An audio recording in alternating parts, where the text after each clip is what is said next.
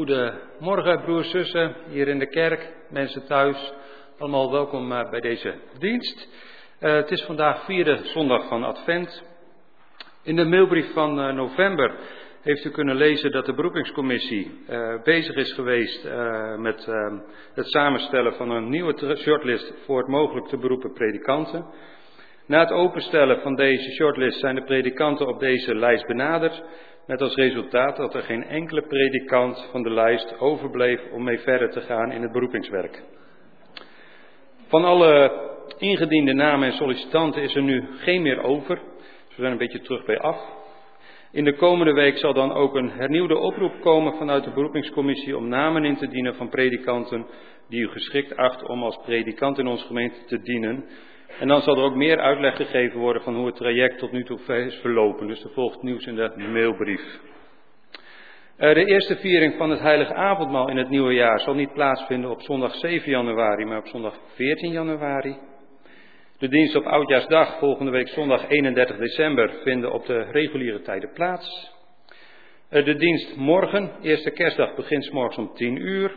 En in deze dienst zal broeder Willem Koelewijn voorgaan. En vanaf uh, tien voor tien zullen er uh, samen liederen gezongen worden. Uh, na de dienst is er weer oefenen voor de kinderen van 0 tot 16 jaar voor de dienst van morgen. Ehm, daarbij aansluitend, ehm, het is natuurlijk een soort van kinderkerstfeest. Ehm, de feestdagencommissie heeft in de postvakjes envelopjes verspreid voor een bijdrage.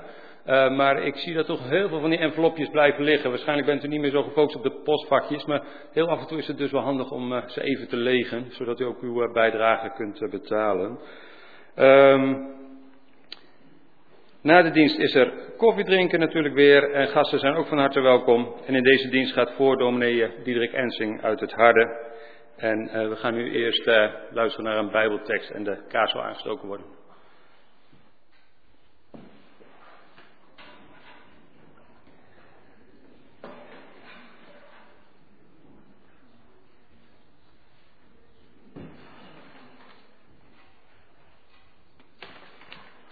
Goedemorgen allemaal.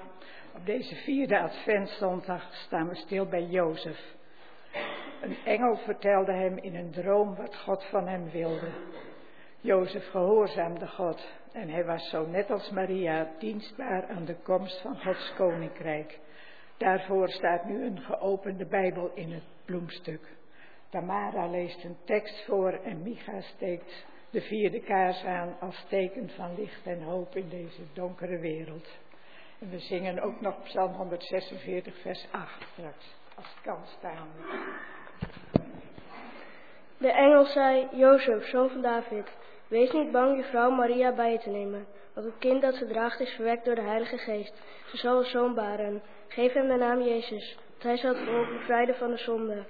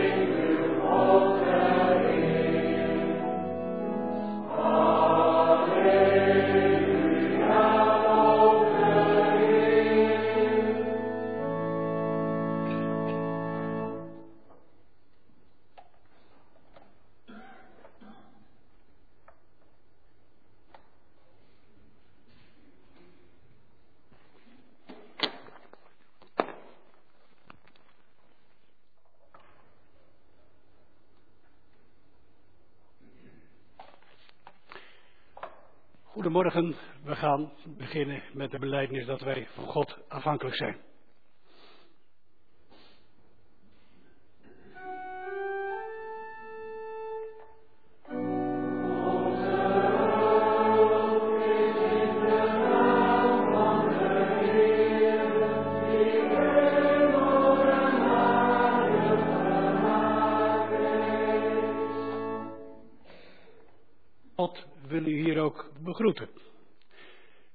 Genade zij u en vrede van hem die is, die was en die komt.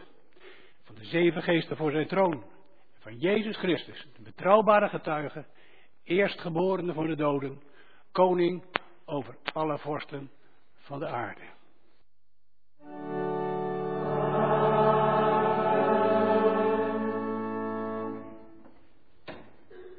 In de adventstijd kijken we uit naar de koning die komt.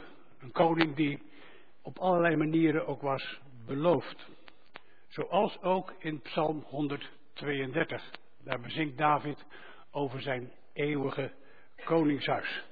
Psalm 132, 5, 9 en 10.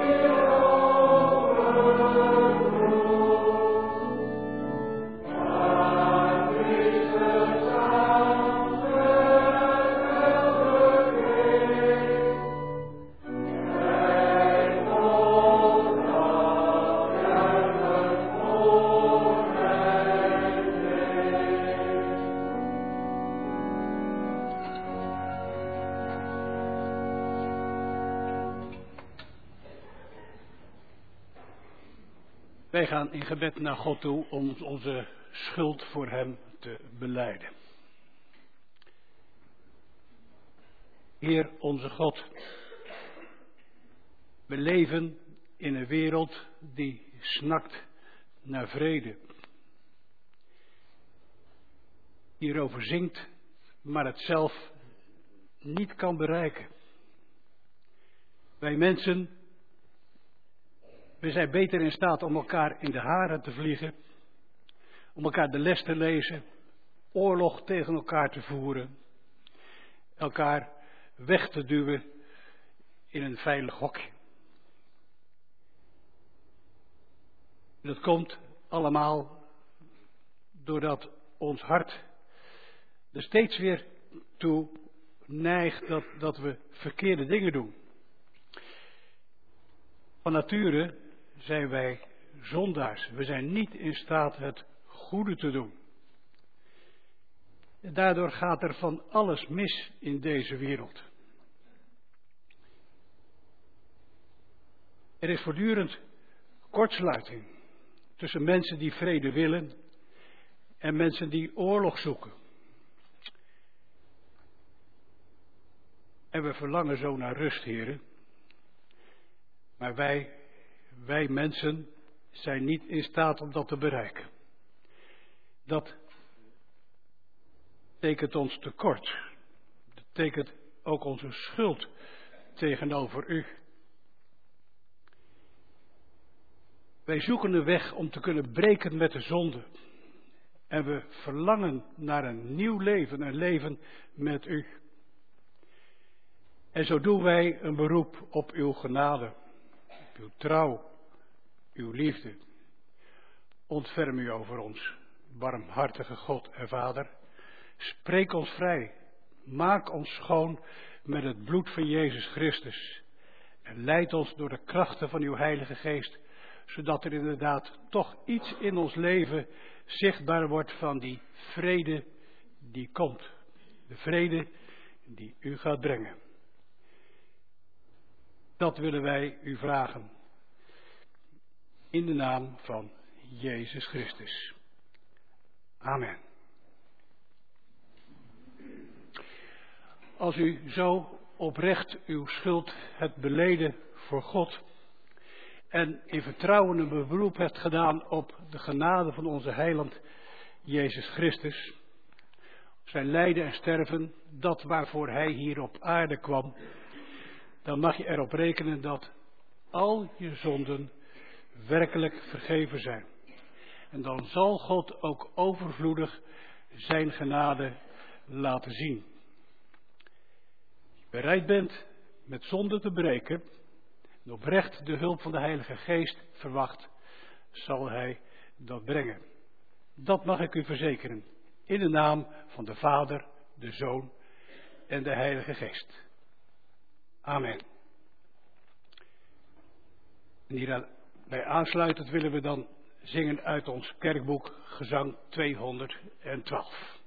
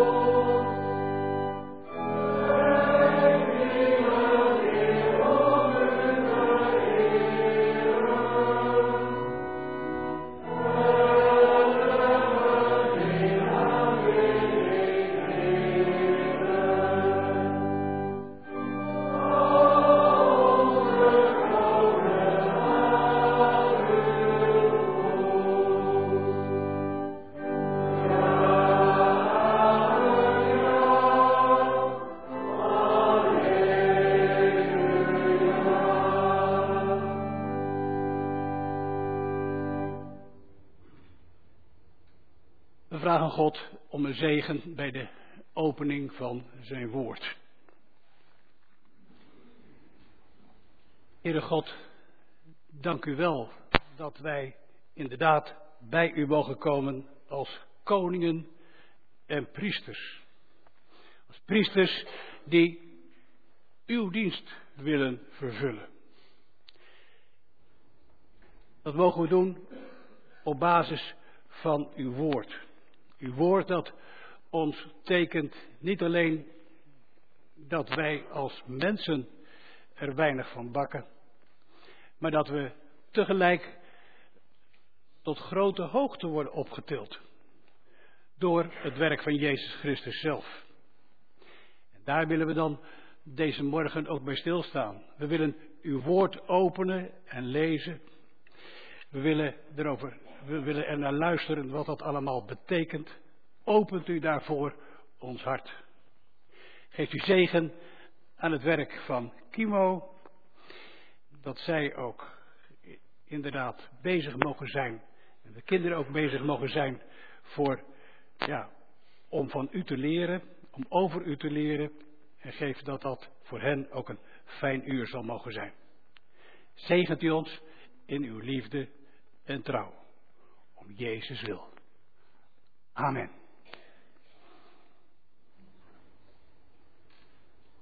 Het is tijd voor Kimo. En, maar dan gaat er dus allereerst dus iets beginnen met dat cadeau. Nou, Marike, ben benieuwd. Allemaal.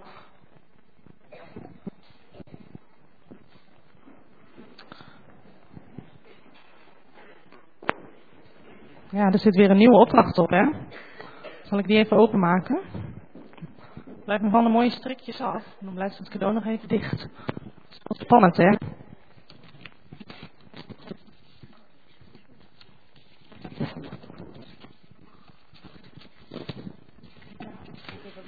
Zitten, kom ik even bij jullie zitten. Gaan jullie goed luisteren? Wat fijn dat jullie er allemaal weer zijn. We hebben het al gehad over de betekenis van Advent, de aankondiging van de geboorte van Jezus, de reis naar Bethlehem en nu zijn we aangekomen bij de vierde Advent. We hebben net weer de kaart aangestoken, hè? We zijn weer een stukje dichter bij het licht. Dit betekent dat we ook weer een stap dichter bij het cadeau zijn. Vinden jullie het al spannend wat erin zit? Ja, hè? Vandaag heb ik weer een opdracht. is er weer een opdracht voor jullie. Jullie moeten woorden raden. Een aantal van jullie krijgen straks per woord een letter in zijn of haar hand. De oudere kinderen moeten jullie dan in de goede volgorde zetten, zodat het goede woord te lezen is voor de gemeente. Als jullie het woord goed hebben, gaan we door naar het volgende woord. En als jullie de drie goed hebben, krijgen jullie vandaag zelfs twee letters. Dat zijn veel, hè? Nou, gaan we beginnen.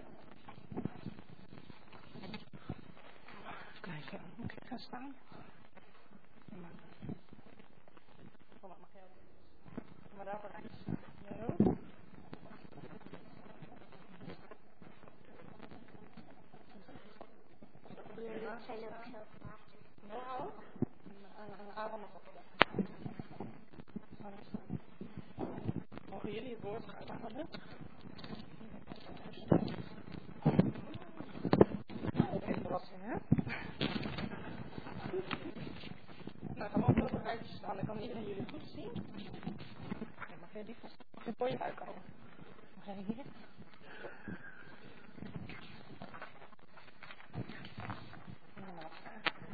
Arm ook ernaast. Kom hier maar staan. Nog hoog. Uh, mag jij er ook al bij gaan staan? Ga er maar naast staan.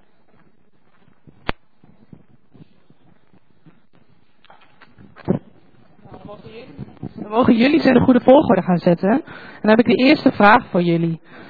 Waar werd Jezus ingelegd toen hij geboren werd in de stal?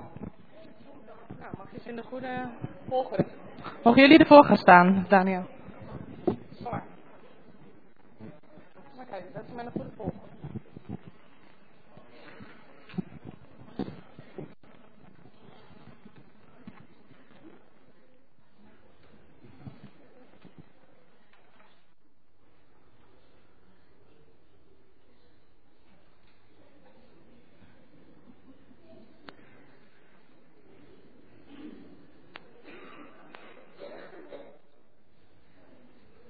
Wat staat er nu?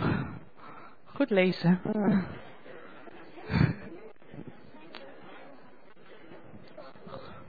Nou, kan de gemeente het lezen? Wat staat er? Hebben heel goed. Nou, daar heb ik nieuwe. Mogen jullie letten op de grond leggen?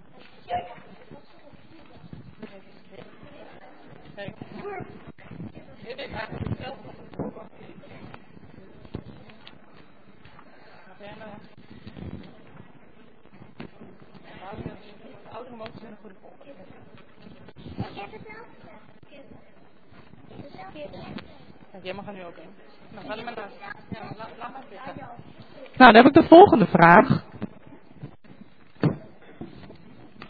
Wie waren er in het veld bijeen toen Jezus werd geboren? Heel goed. Nou, zet ze maar.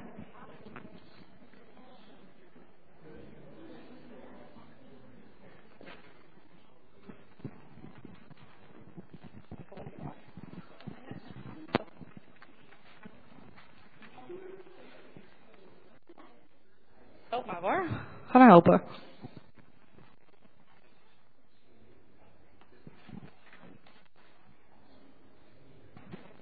Hij is bijna goed.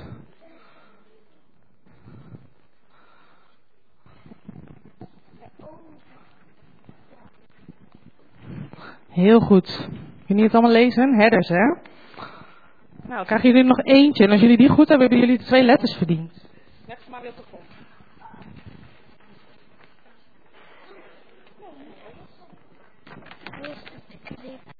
Heel goed.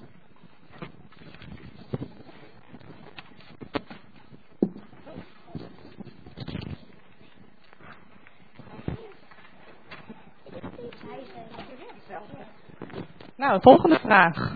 Wie zongen er in een groot koor bij de herders in het veld? Wat zeg je? Engelen. Goed.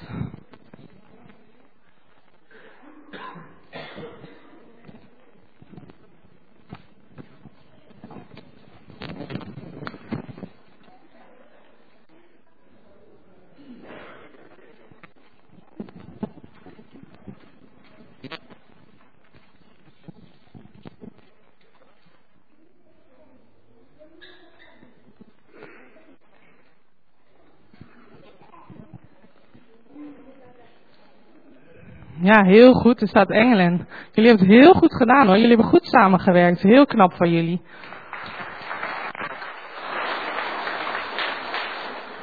Mogen jullie de letters er eh, op het cadeau doen?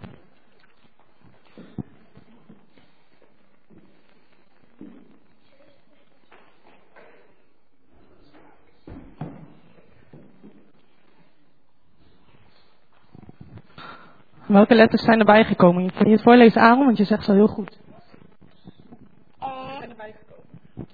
Juist. E, R. Eén. En nummer 1, we hebben nu al twee cijfers van de code. En nu moeten we er nog één, dus we moeten toch nog één dag wachten. Maar wat vertelde ik net, wat de, herders in, wat de engelen in het veld deden? Aaron, weet je dat nog? Wat deden de engelen in het veld bij de herders? Wat gingen die doen? Zingen. En wij gaan nu ook zingen, hè? Wij gaan met z'n allen zingen. Jezus is de goede herder. Gaan jullie mee zingen?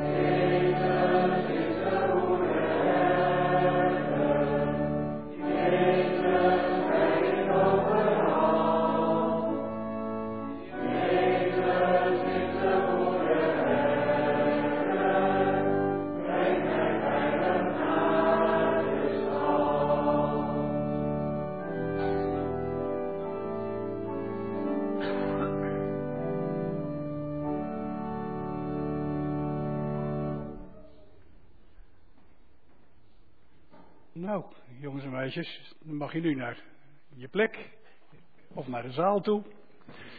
Wie dit ook maar doet.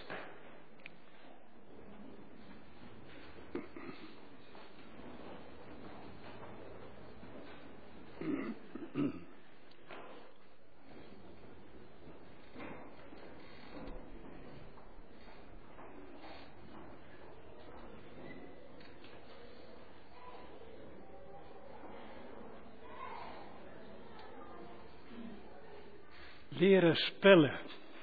Dat blijkt inderdaad uh, ja, in het begin pas, pas best moeilijk. Maar waarvoor leer je eigenlijk lezen? Vooral ook, volgens mij, om in de Bijbel te kunnen lezen. Gaan we nou doen. We openen de schrift in Micha. En we lezen vanaf Micha 4, vers 9 tot 5, vers 5. En we lezen ook nog een kort gedeelte uit Openbaring, Openbaring 5, vers 1 tot 6.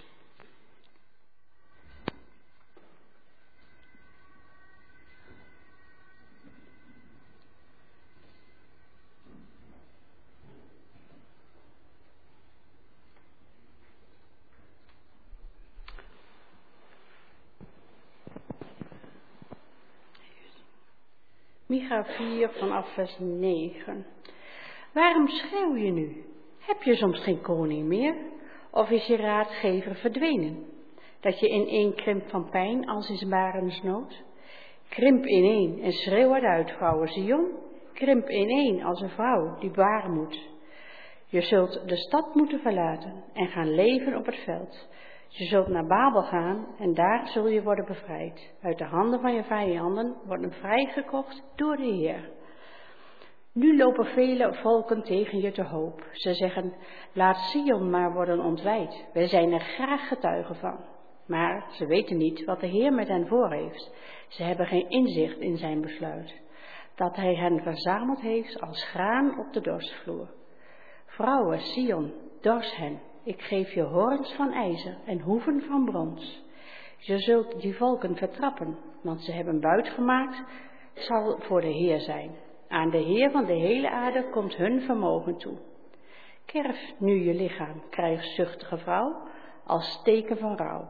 Onze muren worden belegerd en hij die Israël leiden moet, wordt met een staf in het gezicht geslagen. Uit jou, Bethlehem in Efrata, te klein om tot Juda's geslachten te behoren, uit jou komt iemand voort die voor mij over Israël zal heersen. Zijn oorsprong ligt in lang vervlogen tijden, in de tijden van weleer. Totdat de vrouw die zwanger is haar kind heeft gebaat, worden zij broeders aan hun lot overgelaten. Daarna zullen wie er nog over zijn terugkeren naar de andere Israëlieten. Hij zal aantreden en hen als een herder wijden, bekleed met de macht van de Heer zijn God, met de majesteit van diens verheven naam. Zij zullen veilig wonen, want hij zal heersen tot aan de einden der aarde en hij brengt vrede. Wanneer Assyrië ons land binnenvalt en zijn voet in onze paleizen zet, zullen wij zeven herders doen opstaan. Ja, acht vorsten uit mensen gekozen. Met het zwaard zullen zij Assyrië kaalslaan, met getrokken dolk Nimrod vernietigen. Hij zal ons bevrijden van Assyrië wanneer het ons land binnenvalt en onze grenzen overschrijdt. En dan nog openbaring.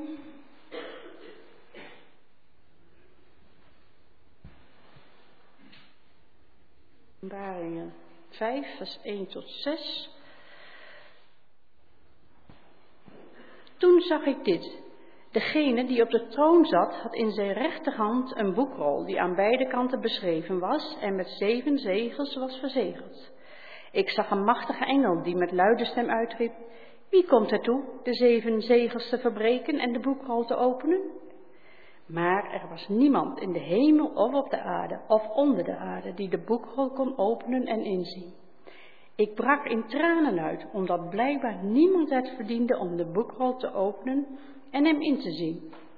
Toen zei een van de oudsten tegen mij, huil niet, want de leeuw uit de stam Juda, de telg van David, heeft de overwinning behaald. En daarom mag hij de boekrol met de zeven zegels openen. Toen zag ik midden voor de troon een lam staan tussen de vier wezens en de oudsten. Het zag eruit als een lam dat geslacht was en het had zeven hoorns en zeven ogen. Dat zijn de geesten van God, die over de hele wereld zijn uitgestuurd.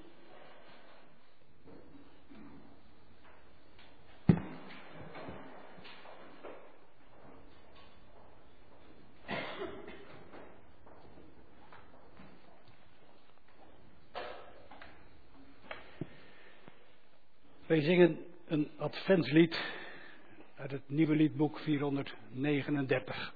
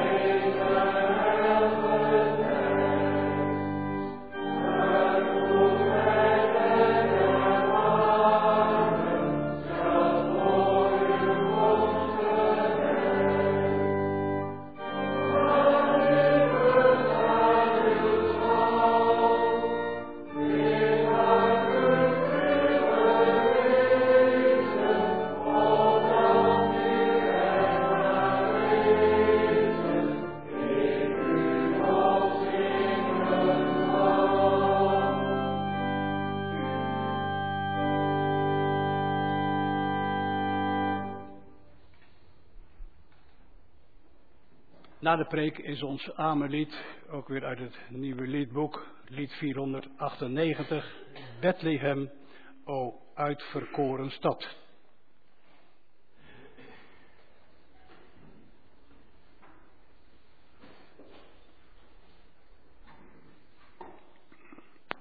Ik mag u dan vanmorgen het woord van God bedienen, zoals u dat vindt opgetekend in Micha 5, daarvan de versen 1 tot en met 4a uit jou, Bethlehem in Efrata, te klein om tot Juda's geslachten te behoren. Uit jou komt iemand voort die voor mij over Israël zal heersen. Zijn oorsprong ligt in lang vervlogen tijden, in de dagen van weleer. Totdat de vrouw die zwanger is, haar kind heeft gebaard, worden zijn broeders aan hun lot overgelaten. Daarna zullen wie er nog over zijn terugkeren naar de andere Israëlieten. Hij zal aantreden en hen als een herder weiden, bekleed met de macht van de Heer zijn God, met de majesteit van diens verheven naam. Zij zullen veilig wonen, want hij zal heersen tot aan de einden van de aarde en hij brengt vrede.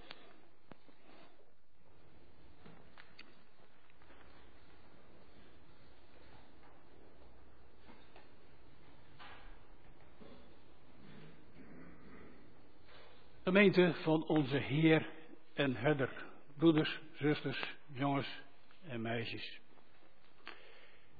Vandaag, vanmorgen, een heel bekende tekst. Vers 1, die kunnen we bijna allemaal wel dromen. Misschien herinnert u zich dat moment wel. Dat je met knikkende knieën en een trillende stem deze tekst op het kinderkerstfeest moest opzeggen. Met die hele zaal vol grote mensen. En die keken allemaal belangstelling toe hoe jij het ervan afbracht. Achteraf kreeg je dan complimenten van papa en mama, van opa en oma. Maar wat dat nou allemaal te betekenen had, daar had je eigenlijk geen idee van. Je had je tekst weer gehad. En je was blij dat je dat niet elke zondag hoefde te doen. Maar wat betekenen die woorden uit Micha eigenlijk? En hoe staat dat eerste vers nou eigenlijk in verband met de rest van de profetieën? Als je dat hele boekje Micha eens doorleest, dan merk je dat het lastig is om daar echt een touw aan vast te knopen. Af en toe snap je het direct, maar even later krijg je het gevoel dat je je camera toch weer eens even wat scherper moet stellen.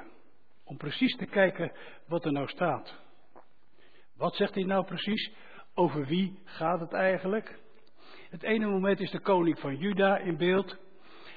En het volgende moment de koning van Assyrië of van Babylonië. Dan weer worden de inwoners van Jeruzalem aangesproken. En ook in dat gedeelte dat we samen hebben gelezen, dat, blijkt dat ook. Want wie is nou bijvoorbeeld die krijgzuchtige vrouw in 4 vers 14? Het is mij niet echt helder geworden. En wat dan het verband dan is tussen het slot van vers 4 en die versen van onze tekst? Je kunt er vragen genoeg bij stellen. Maar dan is onze tekst eigenlijk een oase van helderheid. Opeens is het beeld scherp. Het gaat over Jezus en zijn komst op aarde. En wat gaat hij allemaal doen? En hoe ziet hij eruit? Wat gaat hij doen op aarde? We moeten maar eens goed gaan kijken naar onze Heer, die ook herder is. En dan valt er veel over hem te leren. En niet direct zeggen van, weet ik allemaal al. Dan doen we Micha geen recht. En zeker ook onze heiland niet. Het thema van deze preek is, er komt uit Bethlehem een machtige herder. Dus er komt uit Bethlehem een machtige herder. Wie is die heerser en herder die in Bethlehem geboren wordt? Waar komt hij vandaan? Wat mag je van hem verwachten? En wij gaan, moeten dus leren om te focussen op hem over wie Micha spreekt. Echt focussen, met, met aandacht kijken wat er staat. En als je misschien het dan bij eerste lezing nog vaag vindt, nog weer beter kijken. De lens van je geestelijke ogen echt scherp zetten. Want je wilt natuurlijk wel weten waar het over gaat. En als je Hem eenmaal goed in beeld hebt, dan ga je steeds meer zien. En dat mag groeien. Dan, dan mag je groeien in geloof in Hem. Groeien in je liefde voor Hem. En groeien in je hoop op een beter leven. Nou, dat moet het resultaat zijn van Advent. Dat je je hart en je leven focust op Hem die komt. De wereld om ons heen, die propt gevels vol lichtjes. Anderen proppen een tuin vol met ik weet niet wat voor kerstfiguren. Maar de echte boodschap brengen ze niet. Ja, lichtjes zijn gezellig. Het geeft ook in huis iets van, van hoop op betere tijden. Doorbraak van het licht. Het duister wint het niet. Maar hoe vol je je tuin of je gevel er ook mee zet, voor de boodschap moet je echt bij het licht van God gaan, gaan zoeken. En dan zie je veel meer dan wat je zo op aarde om je heen ziet. Wat er in de wereld gebeurt, al die berichten en mogelijkheden, daar kun je helemaal vol van worden. Dat er zo druk mee zijn dat je God vergeet. En dan vind je zomaar normaal wat er allemaal in de wereld gebeurt. En wat de mensen allemaal roepen. Maar we weten allemaal wel dat deze wereld een echt kompas mist. En daarom lopen ze mensen maar achterna die het hardste roepen. En er zitten ook vaak mensen tussen die zomaar jouw ontevredenheid aanwakkeren. En dat wordt dan kennelijk ook opeens normaal. Maar normaal is wat God zegt. En normaal is de richting die Hij wijst. En dan kom je steeds weer terug bij je Heer, bij Jezus Christus. En als je dan toch weer eens kijkt, dan ga je toch weer meer zien. dan wordt jouw leven ook rijker. Want anders raakt jouw hart helemaal verstrikt in al die interessante dingetjes van deze wereld. Kom je knel te zitten tussen echt nieuws en fake nieuws. Wie naar de Heer kijkt, ziet meer. En dan weet je, dan geloof je dat Hij toch deze wereld regeert. Dat Hij boven die duistere machten staat. Die lijken vandaag het nieuws te beheersen. Maar dus vanmorgen focussen op Hem. Richt je lens op Hem. En dan ga je zien hoe God van je houdt. Hoe God vanuit zijn liefde jouw hart zoekt. En dan confronteert hij je met zijn kracht. Zijn trouw. Hij zegt je van, geef nou je hand. En dan begrijp je dat het goed is in de praktijk je leven op Hem te richten. En dan ga je ook merken hoe je daarin zegen ontvangt. Je gaat zijn rijkdom zien.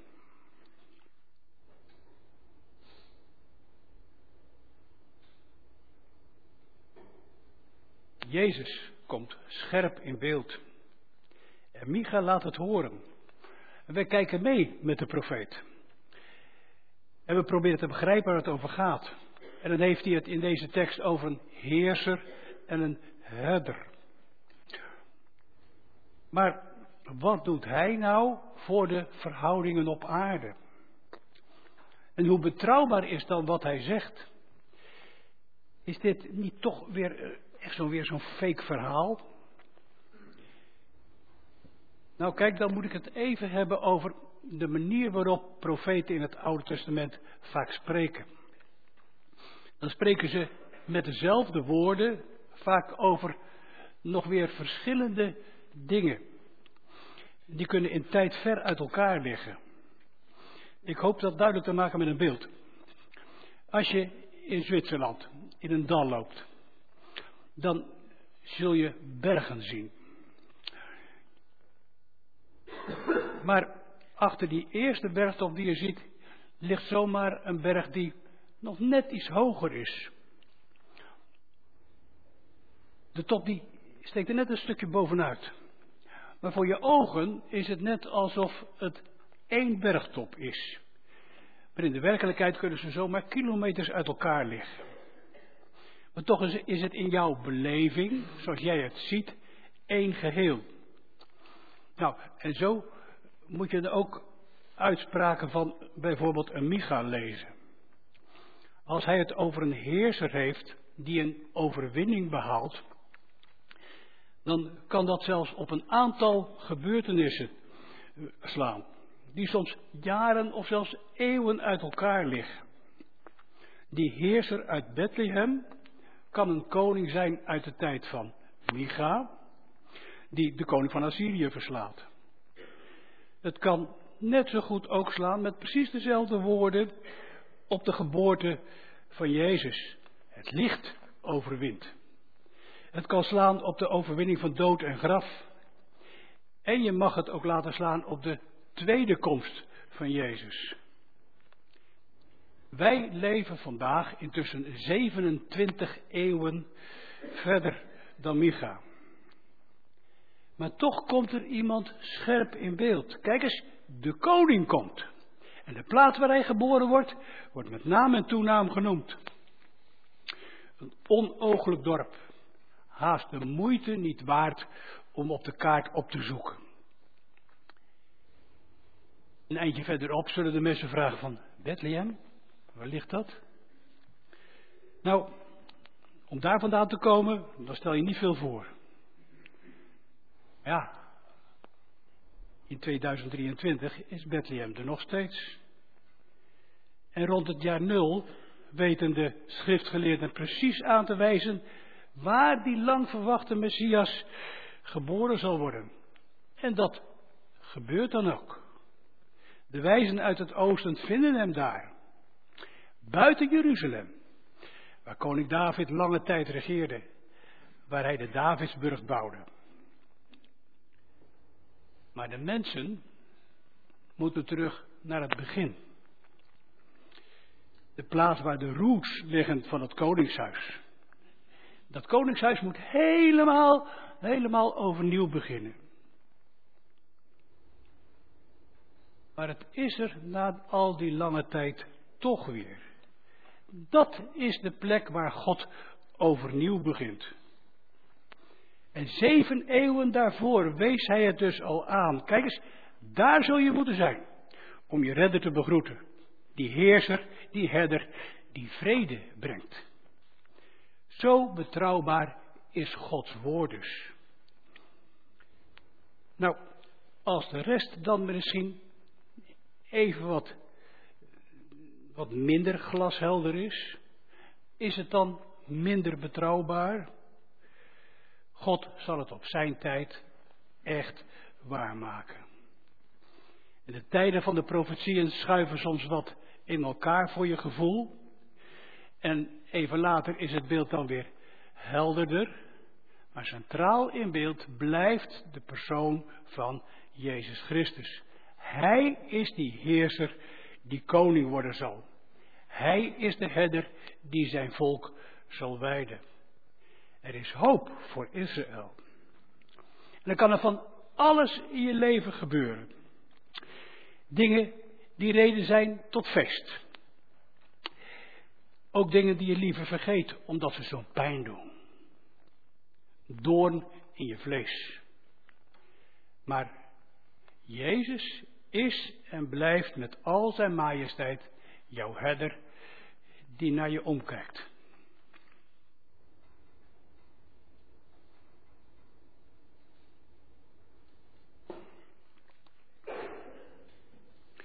En hij geeft dan ook het antwoord op de vraag waarom je zoveel aandacht aan hem moet besteden. Ja, waarom zou je hem dienen? Waarom zou je zijn woorden vertrouwen? Als je kijkt naar zijn afkomst, dan stelt dat weinig voor.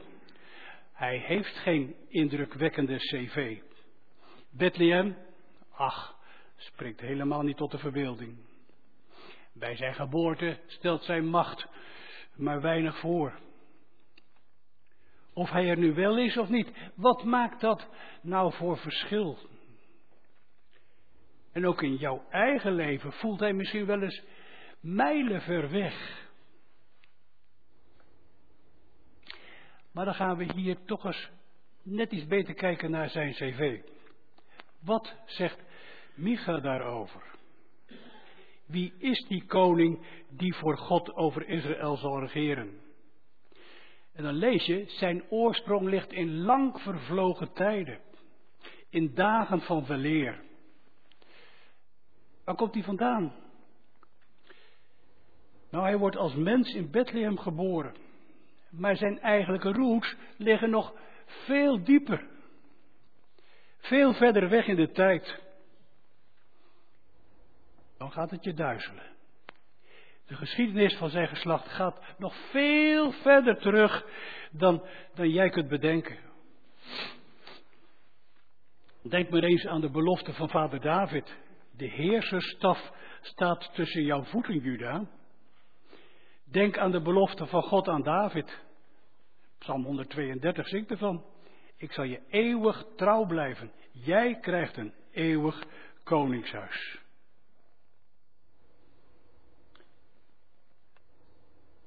Op het moment dat Micha leeft, is van dat koningshuis niet zo heel veel meer over. En Micha voorzegt een zekere ondergang van dat huis.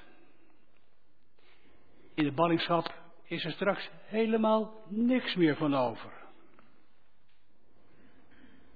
En dan zit er meer dan 500 jaar geen enkele koning van Davids huis op de troon. Maar Micha zegt hier dus al, terwijl er op dat moment zelfs nog een koning uit dat huis op de troon zit, spreekt hij over een huis dat over een poosje in elkaar stort. Maar dan zegt hij ook dingen over de verre toekomst dat het toch weer goed gaat. Ooit komt er een heerser en die wordt geboren in Bethlehem, de stad van David. En die draagt die oude belofte voor eeuwig op de troon van vader David. Waar komt die Jezus vandaan? Vroegen ze zich ook af in de synagoge van Nazareth. De mensen kenden hem, zijn broers, zijn zussen, zijn vader Jozef en moeder Maria. Ze wisten niet beter of hij hoorde gewoon in Nazareth. Maar, zo vroegen ze zich hardop af, waar heeft hij dit allemaal vandaan? En hoe komt hij nou eigenlijk aan die wijsheid? Hoe kan hij die wonderen doen? En hij liet het in zijn optreden merken. Ik heb alles over voor, voor de verloren schapen van het huis Israël. Mijn genade is onbeperkt. Ik ben niet gekomen om te oordelen. Ja, hij had een enorme staat van dienst. En dat is sindsdien alleen nog maar groter geworden. Hij was bereid om zijn leven te geven voor zijn schapen. Hij stond op om dat aan hen uit te delen. Zo komt, broeders en zusters, Jezus ons leven ook binnen. En dat doet hij op basis van die eeuwenoude beloften die gegeven waren. Hij kreeg die van de Vader mee. Beloften die God in het koningshuis van David mens liet worden. Die zoon van David, geboren in Bethlehem, drager van al oude beloften. Die Jezus, broeders en zusters, die herder, schuif je niet zomaar even opzij. Je zou het maar moeten durven. Wat heeft hij niet allemaal gedaan? Wat heeft hij niet allemaal gezegd hier op aarde? Hij gaf het duurste om jou en mij te redden. En hij bad voor zijn vijanden omdat ze niet wisten wat ze deden. Omdat hij uit was op genezing van jouw leven. Op basis van vergeving en verzoening. Deze Jezus kun je niet negeren. Je kunt niet weglopen, je kunt hem ook niet wegstoppen in een stil plekje op de zolder. Ja, want als je zo leeft, hem wegstopt, zegt de schrijver van de Hebreeënbrief, dan kruisig je hem opnieuw. Is het verhaal van Jezus te vaag? Zijn zijn woorden onwaarschijnlijk? Is het niet concreet genoeg? Worden jouw vragen niet beantwoord? Weet je, dan moet je toch eens wat beter gaan letten en denken aan die woorden van Micha. Hij draagt die oude beloften met zich mee. En die blijven gewoon recht overeind. Daarom raak jij hem ook nooit kwijt. Hij zorgt voor redding, voor vrede in je onrustige hart. Hij zorgt ook dat het licht uiteindelijk echt doorbreekt. Als dat van Bethlehem waar is geworden, waren dan opeens die andere beloften niet. Je moet Hem leren kennen, want Hij is veel meer dan je denkt.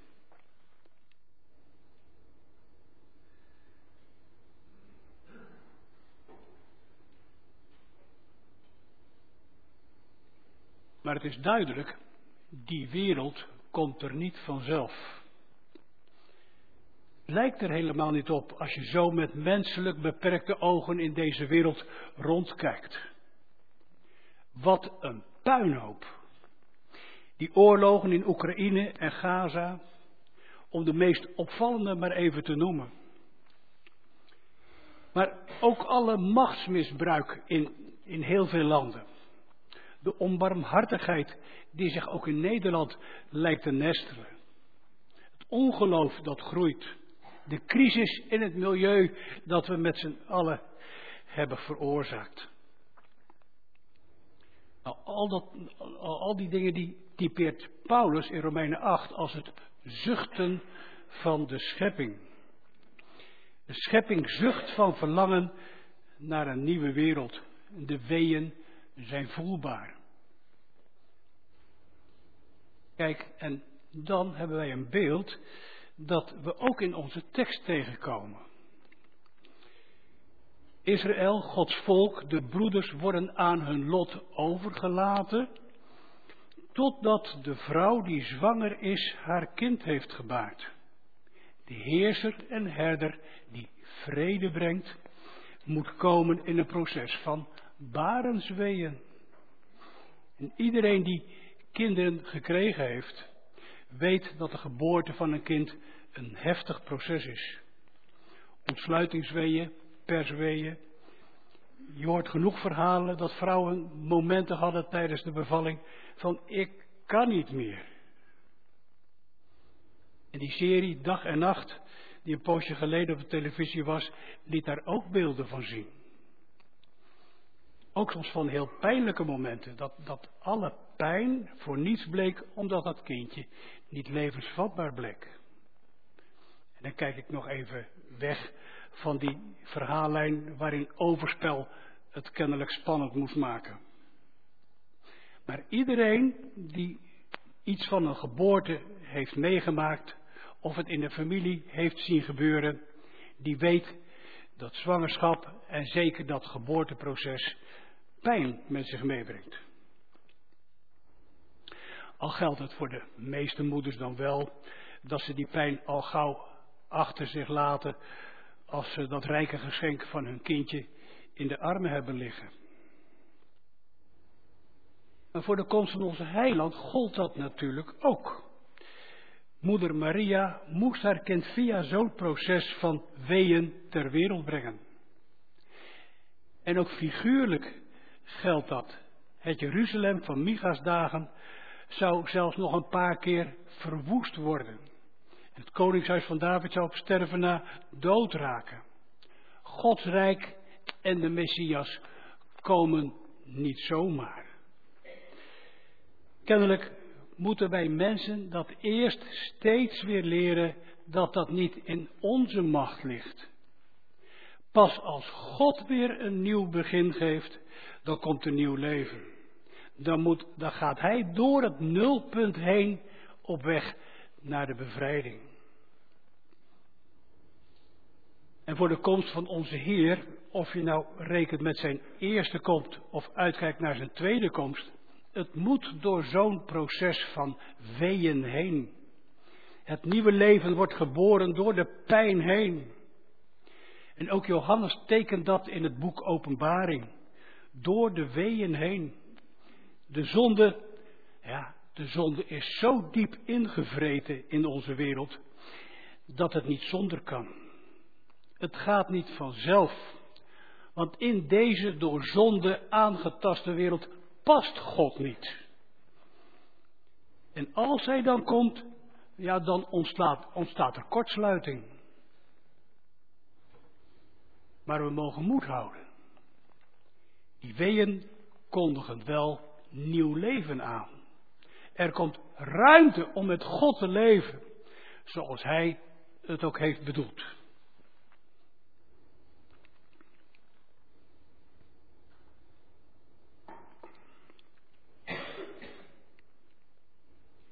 Wij leven, broeders en zusters, in de adventstijd.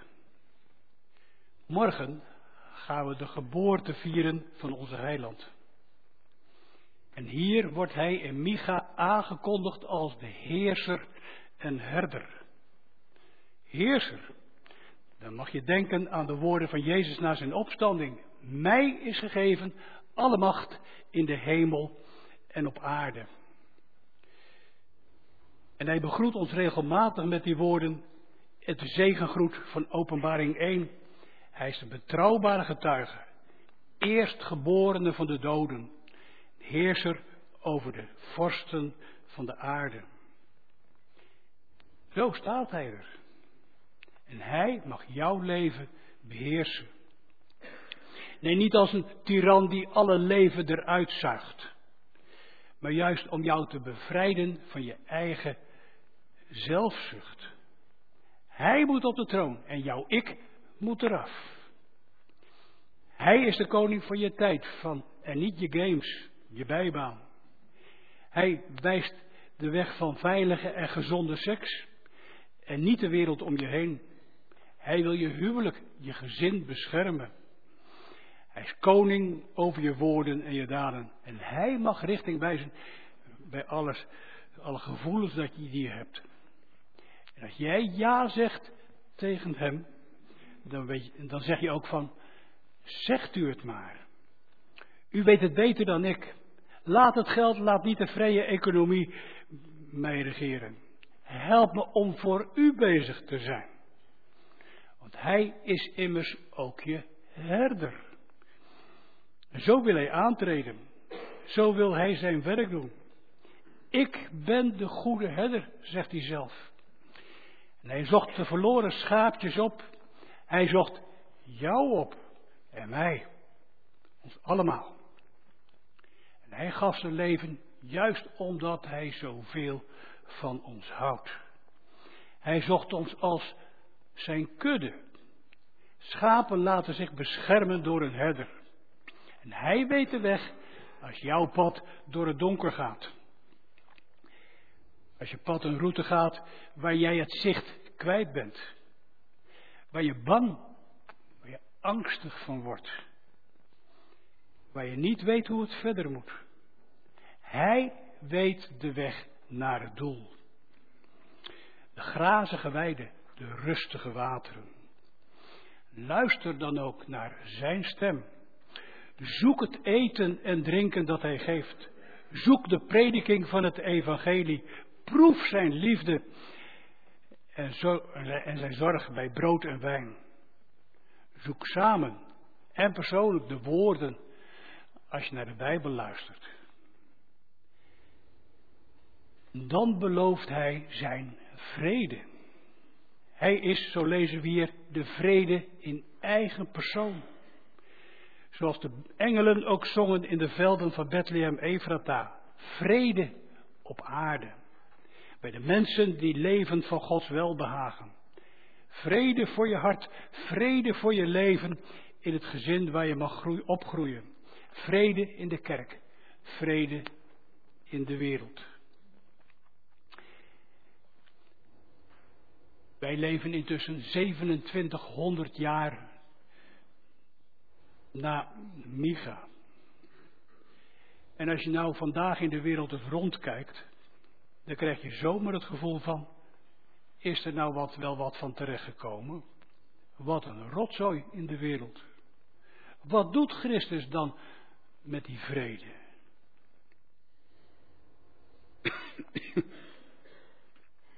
Maar dan moet ik weer denken aan die woorden van vers 1. Die belofte van de plaats waar hij geboren zou worden.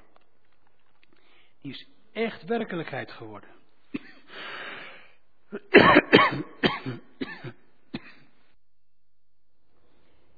En als hij dan ook nog wordt aangekondigd als een herder, die bekleed is met de macht van de Heer zijn God, waarom zou die vrede dan geen werkelijkheid kunnen worden? Hij heeft de overwinning eigenlijk al behaald. Denk aan zijn opstanding uit de dood, aan zijn intocht in de hemel. Het is wachten op de definitieve overwinning. Trouw je aan Hem toe. Hij heeft de macht om het zover te brengen. Hij die roept is getrouw. Onderwerf je aan Zijn wijsheid. dan zul je vanuit je geloof de vrede krijgen. Het geduld dat nodig is in moeilijke tijden. De heerser, de herder, de vrede. Hij zoekt jouw hart. En hij draagt jou op weg naar die grote vrede die komt. Amen.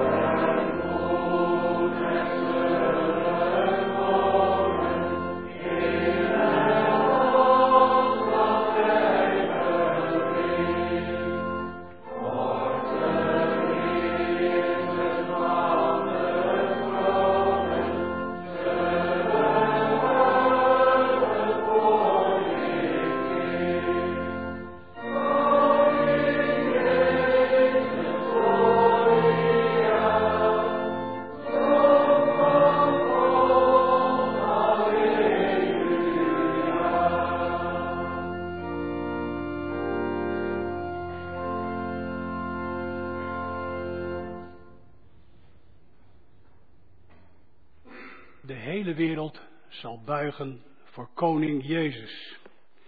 En koning Jezus heeft dan ook het volste recht om zijn wil in deze wereld bekend te maken. Samengevat heeft God die al heel lang geleden geopenbaard in de tien woorden, de tien woorden van het verbond. Wij gaan die wet nu samen zingen. En dat doen wij op een heel bekende melodie. Jezus zegt dat wij hier op aard.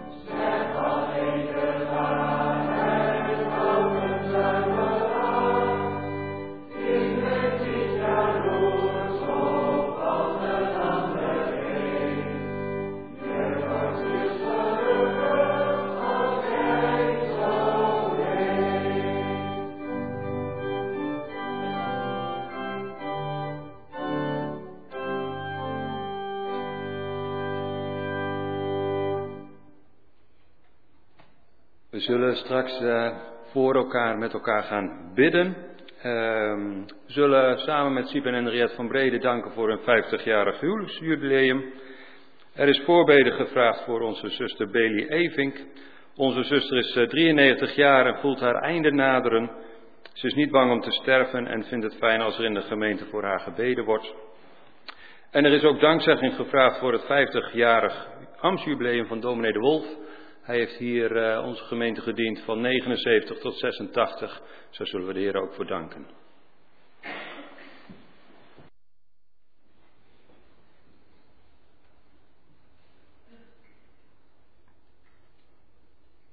Vader in de hemel, wat hebben wij veel om te danken. U bent die grote God die de eeuwen overziet. U bent de God die dwars door alles heen deze wereld toch blijft regeren. Micha mocht al 700 jaar voor de geboorte van Christus grote dingen zien.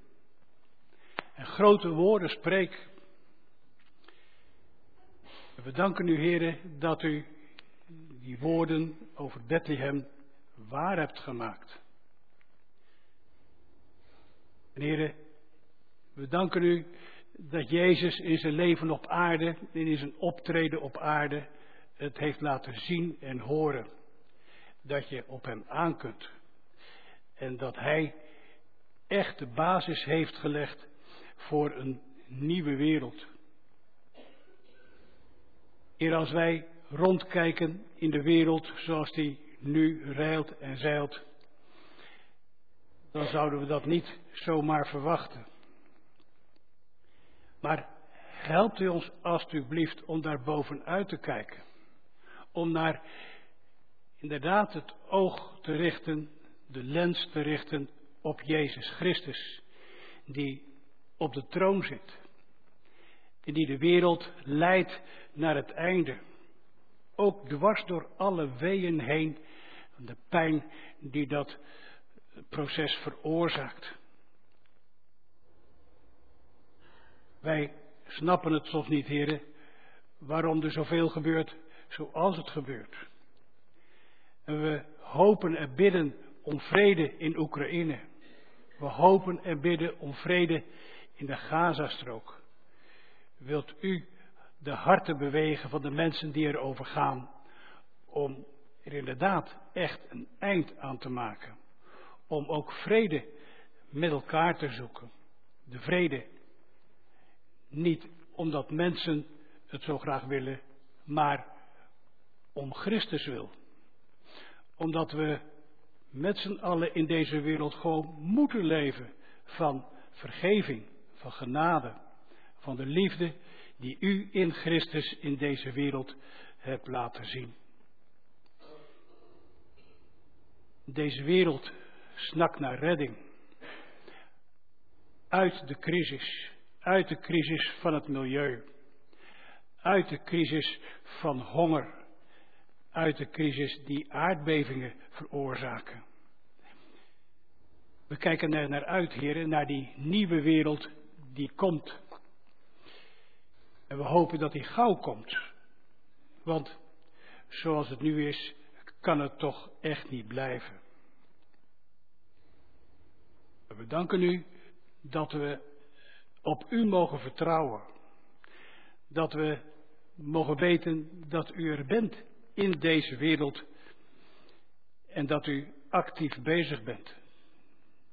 Helpt u ons om dat te geloven. We danken u dat u uitzicht geeft, uitzicht in een wereld die komt. We danken u, heren, dat ook een zuster Evink dat uitzicht mag kennen. Ze voelt haar einde hier op aarde naderen. Maar ze gaat vol vertrouwen haar weg. Zegent u haar ook, heren, in dit laatste traject van haar leven op aarde. En geef dat ze inderdaad vol overgave zich mag geven aan u, de Heere onze God. U, de God die leeft en regeert in eeuwigheid. We danken u met broeder en zuster Siep en Henriette van Brede dat ze afgelopen week het mochten vieren. Hoe ze 50 jaar met elkaar konden optrekken in het huwelijk. De weg in die 50 jaar was lang niet altijd gemakkelijk. Het ging af en toe ook echt door hele diepe dalen. Maar toch, wat hebt u het rijk gemaakt? Rijk omdat ze in u mogen geloven. Rijk omdat u toch steeds ook weer nieuwe krachten en nieuw uitzicht gaf. Geeft u hen samen uw zegen, ook voor de toekomst. En u weet wat daarin nodig is.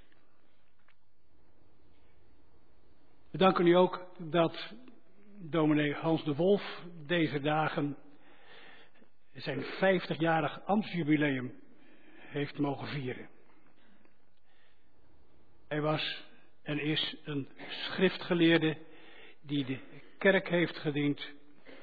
Hij heeft ook de kerken gediend met alles wat hij over de schrift heeft gepubliceerd.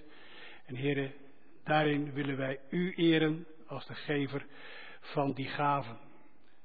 Zegent u ook hem, ook nu de moeiten van de ouderdom in zijn leven toenemen, ook de kracht en de wijsheid om uw weg te gaan. Ook in overgave in de weg zoals u die wijst.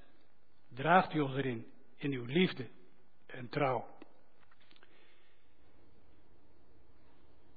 Heere God, als we denken aan voorgangers, dan denken we ook aan de voorganger die we op termijn hier hopen te krijgen.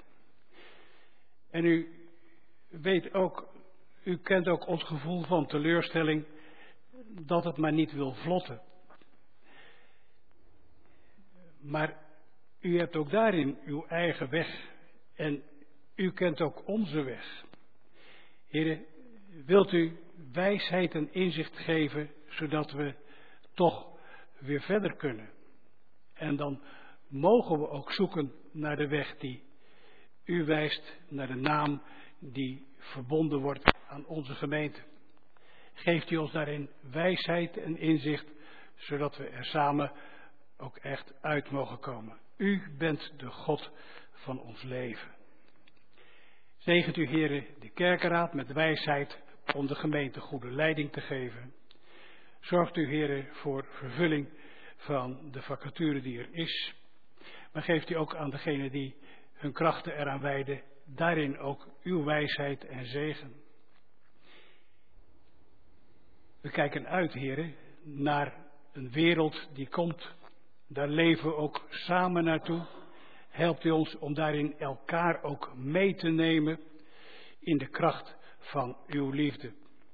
Want het is goed om ook samen u te dienen als kudde van de herder die lang geleden zijn leven gaf en die ons wil wijden. Neemt u ons mee, heren, op uw weg. In genade, om Jezus wil. Amen.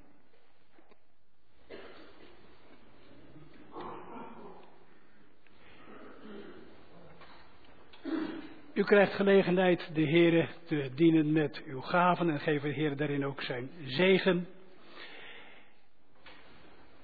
Daarna zingen we als laatste lied opwekking 790. De Heer is mijn herder.